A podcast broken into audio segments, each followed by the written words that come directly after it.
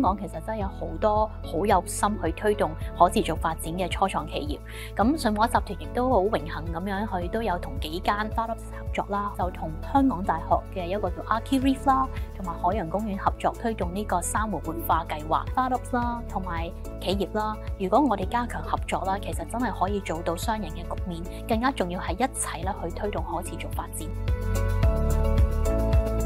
there's a lot of data collection, there's a lot of reporting that needs to be done. So there's a lot of opportunities for startups to look at this piece and see how they can help established companies make the whole ESG flow easier. 我哋就將我哋經驗，將佢擺落去，製成咗一套軟件，一套叫做 Microsoft Cloud for Sustainability。有啲乜嘢嘅減排嘅情況，我需要做，咁個 tool 咧都會俾到一啲 suggestion 大家嘅。The other technological piece that we ourselves are contributing to is in recycling. New business models that we are introducing to what used to be called single use, we want to make it no longer single use.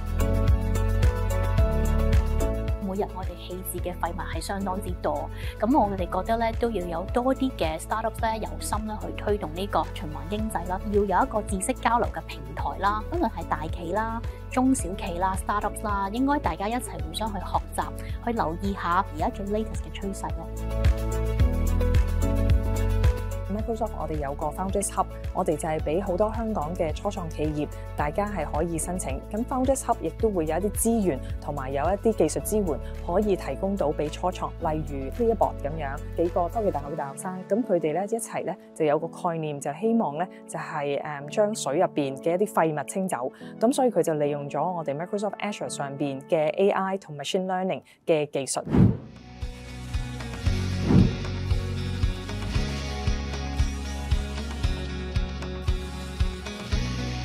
香港嘅誒 audience 都比較適合誒 Web Three 啦，咁因為可能科技嘅接受啦，比較多啲人喺呢一個虛擬嘅世界嗰度已經可能 s o c i a l i z e 緊。初创嘅企业当中，我相信大家都会好在意就系嗰个资源方面啦。我哋点样用到最少嘅资源去达到到我哋嘅目的，或者系成就更多？其实好多时就会喺个科技方面就可以帮得到啦。已经有好似 Microsoft 呢一啲嘅大型嘅云端服务嘅公司，其实已经系帮大家 set up 好晒所有嘢。NFT 同埋 luxury 其實係一個好多 similarity、好多 common 嘅類型。我哋開始嗰陣時都係 focus 落去 AR 啊、d VR 嘅體驗啦。你喺一個地方可以睇到啲 interesting 嘅 content 啊。可能喺你嗰陣時 covid 咁，所以可能哦喺你屋企可以有個 pop-up store 啊，可以淨睇到啲 product。AR 啊、VR 再繼續去即係進步，或者即係去即係 refine 成個科技。咁我諗。即係 from 啲 brand 都會誒、呃、再可以 explore 新嘅玩法啦。究竟我可以攞呢個 NFT 嚟做啲乜嘢？即係 whether 係 unlock 一啲新嘅誒、呃、體驗啦，誒、呃、新嘅可能啲啲比較獨特啲嘅 product。All of these things coming together is actually helping us be more effective, more profitable, uh, but at the same time be more responsible.